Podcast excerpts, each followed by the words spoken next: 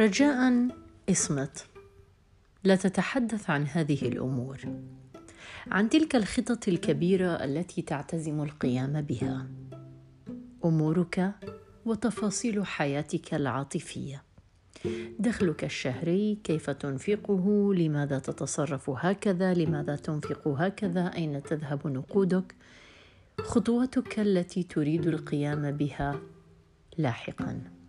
والأهم من ذلك مشاكلك العائلية. هذه الأفكار لابد أن أعترف بأنني قد قرأتها بأحد المحتويات الموجودة على التويتر.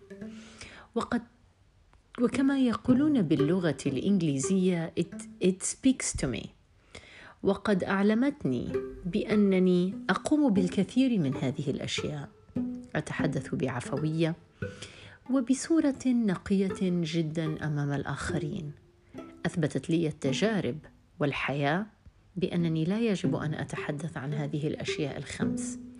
وفي الحقيقة عندما توقفت عن الحديث عنها بدأت أنجح. مساء الخير.